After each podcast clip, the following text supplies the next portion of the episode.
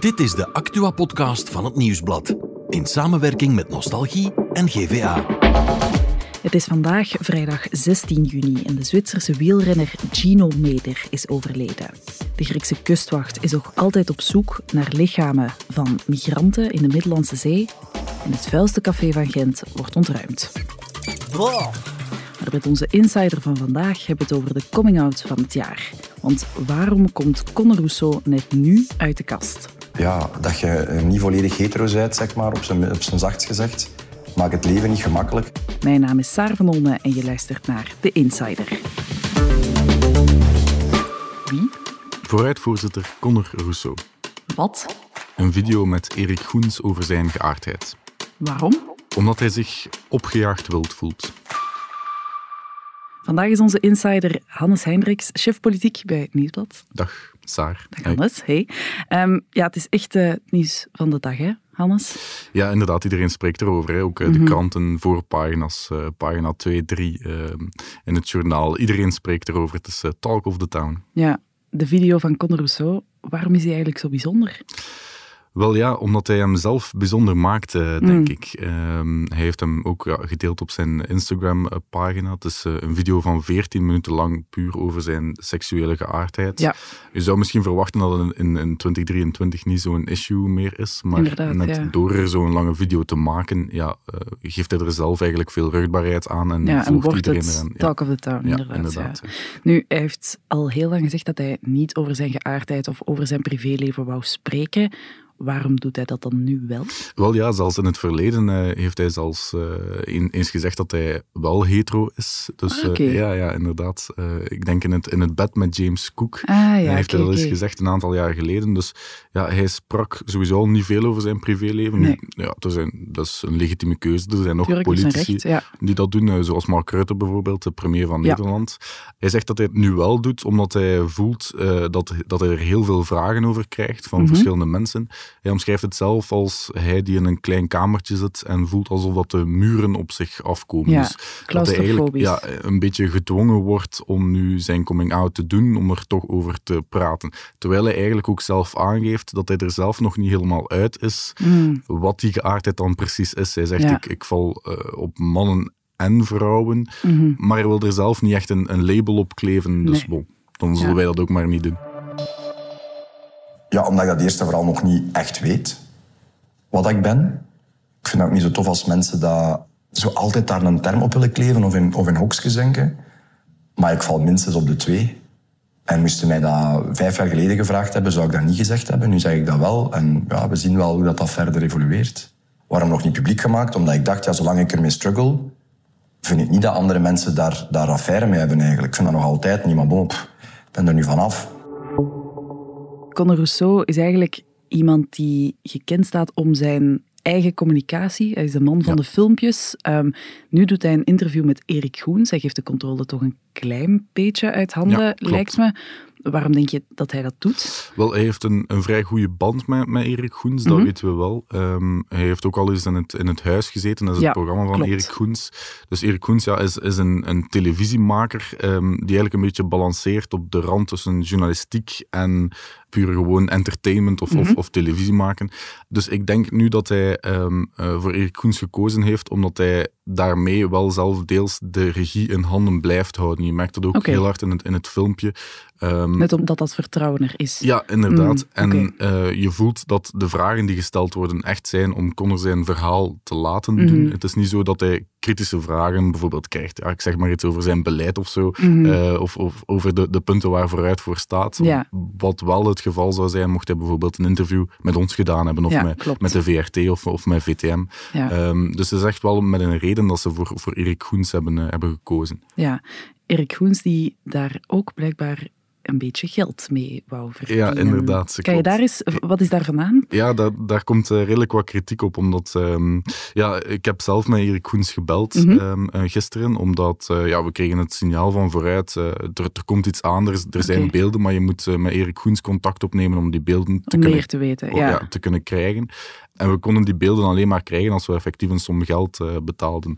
Okay. dus ja, het zou, het, zou, gaan om 750 euro voor een korte versie en Mhm. dan het dubbele voor, voor, voor de lange versie van, van het interview. Jullie hebben dat niet gedaan? Nee, we hebben dat inderdaad niet gedaan. De- Waarom niet? Ehm, ook andere redacties trouwens, Ja. niet, on- on- onze concurrenten hebben het, hebben het ook niet gedaan, omdat wij het heel raar vinden om ehm, voor een half journalistieke boodschap te zouden moeten betalen. Eh, Mhm. De Vlaamse Vereniging voor Journalisten heeft zich daar ook tegen eh, uitgesproken. Eh, dus zij vinden dat ook laakbaar, eh, dat je effectief eh, voor iets journalistiek dan aan andere redacties eh, geld zou gaan vragen. Mhm. Dus in een normale wereld zou inderdaad Conor Rousseau zelf zijn filmpje hebben opgenomen Mhm. en kunnen wij daar dan mee aan de slag? Het is gewoon een puur feitelijke boodschap eigenlijk, Mhm. om daar munt uit te gaan slaan. Nu, Conor Rousseau slaat er zelf geen munt uit, hè, maar het is wel Erik Goens die er wel munt ja. uitslaat. Ja, dat is toch op het randje. Ja, oké. Nu, eh, we hadden het er net al over eh, ja, de timing van, van de video. Jullie wisten al iets op voorhand van vooruit dan, dat er iets zat aan te Ja. komen. Kwam dat als een verrassing, die video? Het kwam, ja, inderdaad, ik wist het een, een aantal uur op voorhand, Mhm. maar het kwam wel als een verrassing, als een, ehm, ja, waarom komt hij nu specifiek met, met, Ja. met, met die video? Eh, dus ja, we- de geruchten over zijn geaardheid, ja, die, die, die lopen al... eh, Die deden al langer de ja, ronde, weken, Ja. maanden, jaren eigenlijk. Dus we wisten wel dat hij misschien op een dag wel daarmee naar buiten zou komen. Mhm. Ehm, dat hij die timing zelf in, in handen eh, wou houden. Eh, maar in die zin is het interessant wat hij zelf zegt in zijn video, eh, namelijk dat hij zich opgejaagd wild voelde. Mhm. Ik denk dat dat de essentie is ehm, van waarom Conor Rousseau nu specifiek met zijn outing naar buiten komt Ja. en in dat filmpje. Hij voelt zich opgejaagd wild Ja. en ja, hij zegt het er zelf bij. Dat komt door alle roddels, geruchten Mhm. over zijn persoonlijk leven die de laatste weken eh, circuleerden. Roddels over zijn persoonlijk leven, over een aantal meldingen die tegen hem zouden zijn gedaan. Zou je kort kunnen toelichten, waar gaat dat nu eigenlijk precies ja, over? inderdaad. Er zijn eh, een tweetal meldingen eigenlijk Mhm. gebeurd bij het parket over eh, het privéleven van Conor Rousseau. Dat is één eh, bij het parket van West-Vlaanderen. Mhm. Die is intussen geseponeerd, omdat Ja. er geen feiten zouden zijn. Er is nog één melding die ehm, wel onderzocht wordt bij het parket van Antwerpen. En eigenlijk die beide meldingen gaan over hoe Conor Rousseau omgaat met minderjarige jongeren. Mhm. Dus het zou gaan om twee jongens effectief. Maar dus die in West-Vlaanderen is geseponeerd, dus daar blijkt niets van aan.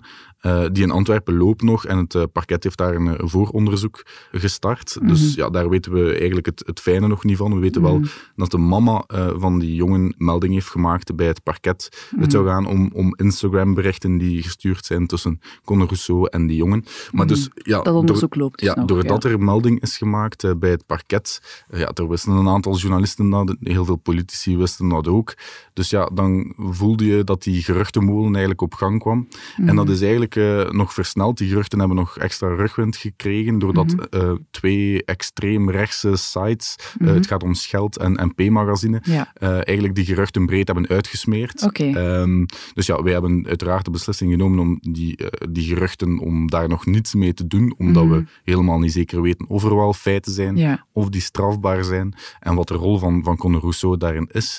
Maar Mhm. dus, ja, die extreemrechtse websites hebben, hebben dat wel gedaan, waardoor er ja, heel veel andere geruchten ook begonnen te circuleren. Ik las tweets over een huiszoeking bij Conor Rousseau, wat dan helemaal niet bleek, eh, bleek te kloppen. Mhm. Ehm, maar dus dat is wel de achtergrond waar Conor Rousseau zelf schetst, van, ja, dat hij zich opgejaagd wild voelde. Hij kreeg Ja. daar heel veel vragen over. Ja, ook telkens er iets binnenkwam, hebben wij dat ook steeds gevraagd aan hem, aan, aan zijn Ja, partij. want heeft hij daar eigenlijk zelf op gereageerd, op die meldingen die over hem zijn binnengekomen? Nee, nee, nee, nee, nee. Dus eh, hij is wel zelf verhoord geweest, Mhm. bijvoorbeeld eh, bij de melding die gemaakt is bij het parket van West-Vlaanderen, Mhm. maar hij heeft daar zelf nooit iets over willen zeggen.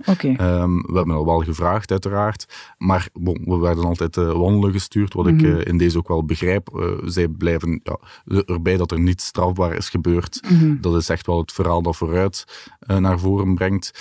Dus ja, maar dat is wel de achtergrond ehm, waarbij die outing nu, nu gebeurd is. Dus ja, Ja. verklaart de, de term opgejaagd wild. Ja, nu, zijn partij heeft er ondertussen ook al op gereageerd. Hè? Mensen die Ja. al er iets over hebben willen vertellen. Freya van den Bossen. Ja, inderdaad. Die zelf haar coming-out uh, ook heeft gedaan. Ja. Uh, een aantal maanden geleden, denk ik, Mhm. intussen. Dus ja, zij zegt dat, uh, dat de partij als één man achter Conor Rousseau blijft staan. Mhm. Dat ze haar hand in het vuur steekt voor, voor haar voorzitter. Dat Mhm. ze 100% zeker weet dat er niets strafbaar is gebeurd. En ze zijn wel een beetje verbaasd. Maar bon, daar ben ik misschien zelf ook een beetje verbaasd over dat het wel zoveel reacties losmaakt bij, bij zoveel mensen. Ja. Coming-out. Ik zeg In het in 2023. 2023. Mhm. Maar natuurlijk, ja, je moet er de hele context bij zien en de, Tuurlijk. de woorden die Conor Rousseau zelf in de mond neemt over roddels, over opgejaagd wild. Mhm. Die het Komt er allemaal bij kijken. Ja, ja, die er natuurlijk voor zorgen dat heel veel mensen hierover gaan spreken. Hè. Ja, ze noemen het zelfs een massale haat- en roddelcampagne die tegen hem gevoerd Ja, wordt. inderdaad. eh, en nu goed, dat is iets wat wij zelf ook wel voelen natuurlijk in eh, deze tijden met, met sociale media en iedereen die zo nauw in contact met elkaar staat eigenlijk. eh, je hoeft maar, ja, je kan naar iedereen WhatsApps rondsturen. Mhm. Wij merken dat ook wel van zodra dat er iets binnenkomt of een roddel gelanceerd wordt door, door iemand, dat dat direct de hele wedstraat, de hele journalistieke... meteen groot nieuws wordt ja, de hele journalistieke boat rondgaat. Mhm. Eh, dat er dan ja, mensen over beginnen tweeten, bijvoorbeeld. Mhm. Denk dat dat vroeger toch allemaal een, een iets andere Mhm. eh, vibe was, om het zo te zeggen. Het is iets gemakkelijker om uh, zo'n roddel te verspreiden. Ja. Um, wat nu, Hannes? Ja, dat is een beetje de vraag. Hè. Ik heb mm -hmm. de vraag ook opengelaten in de krant een beetje. Ja, uh, vandaar dat ik hem stel. Ja, het, is, het, is, een goede vraag. Ik snap dat je hem stelt, maar we weten nog niet het concrete antwoord. Ik denk Mhm. mm -hmm. dat Conor Rousseau uh, heeft zelf gezegd, ja, hij gaat nu een pauze inlassen. Hij is ook op reis vertrokken vandaag. Hij wil zich ja, focussen op de verkiezingen, op zijn voorzitterschap van vooruit. Ja. Hij wil terug met politiek bezig zijn en hij hoopt dat hij zo weinig mogelijk vragen krijgt over, over zijn outing en alle roddels. Mm -hmm. Maar bon, ja, we zijn natuurlijk uh, journalisten, dus alles wat binnenkomt moeten we checken. Mm -hmm. um, ik vrees dat hij het uh, in deze niet echt in eigen handen heeft. Mhm. Mm -hmm. uh, en dat ook de journalisten het trouwens niet in eigen handen hebben. Um, als er nog bijkomende meldingen komen, ik, ik, ik noem maar iets, ja, dan zullen we dat moeten onderzoeken en dan Mhm. zullen we weer aan zijn deur moeten aankloppen en vragen, ja, sorry dat we het vragen, maar, maar klopt dat? Is daar iets, Ja. iets van aan? Dus ik denk dat zijn coming-out nu wel een beetje eh, er zal voor zorgen uh, dat de, de hele geruchtenmolen een klein beetje stilvalt. Mm -hmm. Maar bon, we kunnen niet uitsluiten dat er nog bijkomende geruchten de kop opsteken en die zullen we ook weer moeten checken. Ja, afwachten dus. Ja, inderdaad. Dankjewel Hannes om dat eventjes uh, te komen toelichten. Heel graag gedaan. Als je wil weten hoe je best je pensioen opbouwt, kan je dat vragen aan je buurman. Tak 21 of 23 op lange termijn? Goh, ik zou eerst op korte termijn kijken. Naar die takken in uw hof, die hangen nu al een jaar over met een draad. Dus snoei die een keer, hè? Dan gaan wij op lange termijn veel beter overeenkomen. Je kan er dus maar beter over praten met de experten van KBC. Via Kate en KBC Mobile, via KBC Live of gewoon op kantoor. Jouw leven, jouw plannen, jouw belegging. KBC. Beweegt met je mee. En dan gaan we nog over naar het andere nieuws van vandaag. En daarvoor is onze producer Joni hierbij komen zitten. Dag Joni. Dag Saar. Ja, om te beginnen, er is een uh, echt verschrikkelijk drama gebeurd hè, in de wielerwereld. Ja, inderdaad. Tijdens de ronde van Zwitserland, in de afdaling van de Albula Pass naar de finish, zijn Magnus Sheffield en Gino Meder zwaar ten val gekomen. Mhm. Mm -hmm. Sheffield is oké, okay, maar Meder is ondertussen jammer genoeg overleden. Hij werd nog ter plekke gereanimeerd en dan is er een helikopter gekomen om hem naar het ziekenhuis te voeren. En dus vanmiddag is aan het nieuws gekomen dat hij overleden is. Mhm. Gisteren reageerde Remco Evenepoel al op het feit dat het een onverantwoorde afdaling was. Mhm. En daar was er echt niet over te spreken. Nee, niet alleen Remco Evenepoel, maar ook andere mensen binnen de wielerwereld die hebben gereageerd. En niet op de afdaling, maar wel op het overlijden van Ja, uh, onder andere Jorien Thomas, Peter Sagan en ook Victor Kampenaerts. Die heeft samen in de ploeg gereden met hem. Mhm. En die vertelt aan onze krant dat het een verstandige gast was en dat ze nog altijd heel goed overeenkwamen, ook al reden ze niet meer voor dezelfde ploeg. En hij was gewoon duidelijk heel geliefd in de wielerwereld en iedereen die hem kende Ja. kan alleen maar goed over hem spreken. Twitter staat er vol van. Dan gaan we nog over naar de Middellandse Zee. Want de kustwacht van Griekenland die is nog altijd op zoek naar honderden lichamen van migranten in de Middellandse Zee. Mhm. Vertel eens, wat is daar gebeurd? Ja, woensdag, vlakbij het diepste punt eigenlijk van de Middellandse Zee, Mhm. was er een zware scheepsramp. Er is dan massale paniek uitgebroken. Het schip is heel snel gezonken en daardoor zijn de mensen die in het ruim zaten niet kunnen hem ontsnappen. Er zouden tot 100 kinderen in dat ruim hebben gezeten, dus die zullen waarschijnlijk allemaal gestorven zijn.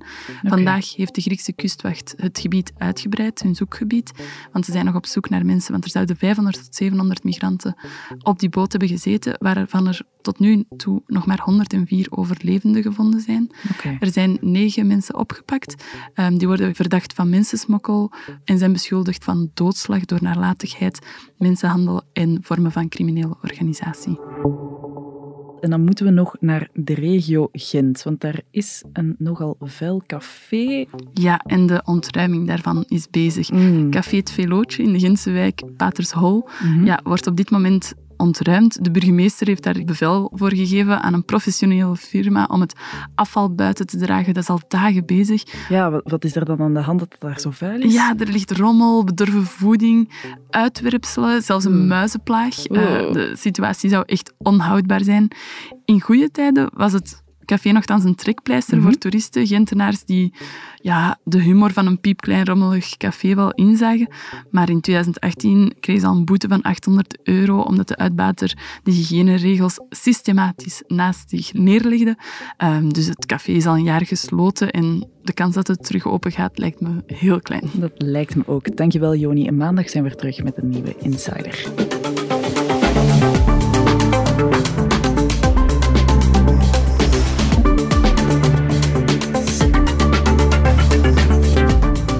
Dit was The Insider, een podcast van het Nieuwsblad in samenwerking met Nostalgie en GVA. De muziek is van Pieter Santens. De montage gebeurde door House of Media. Wil je reageren? Mail naar podcast.nieuwsblad.be.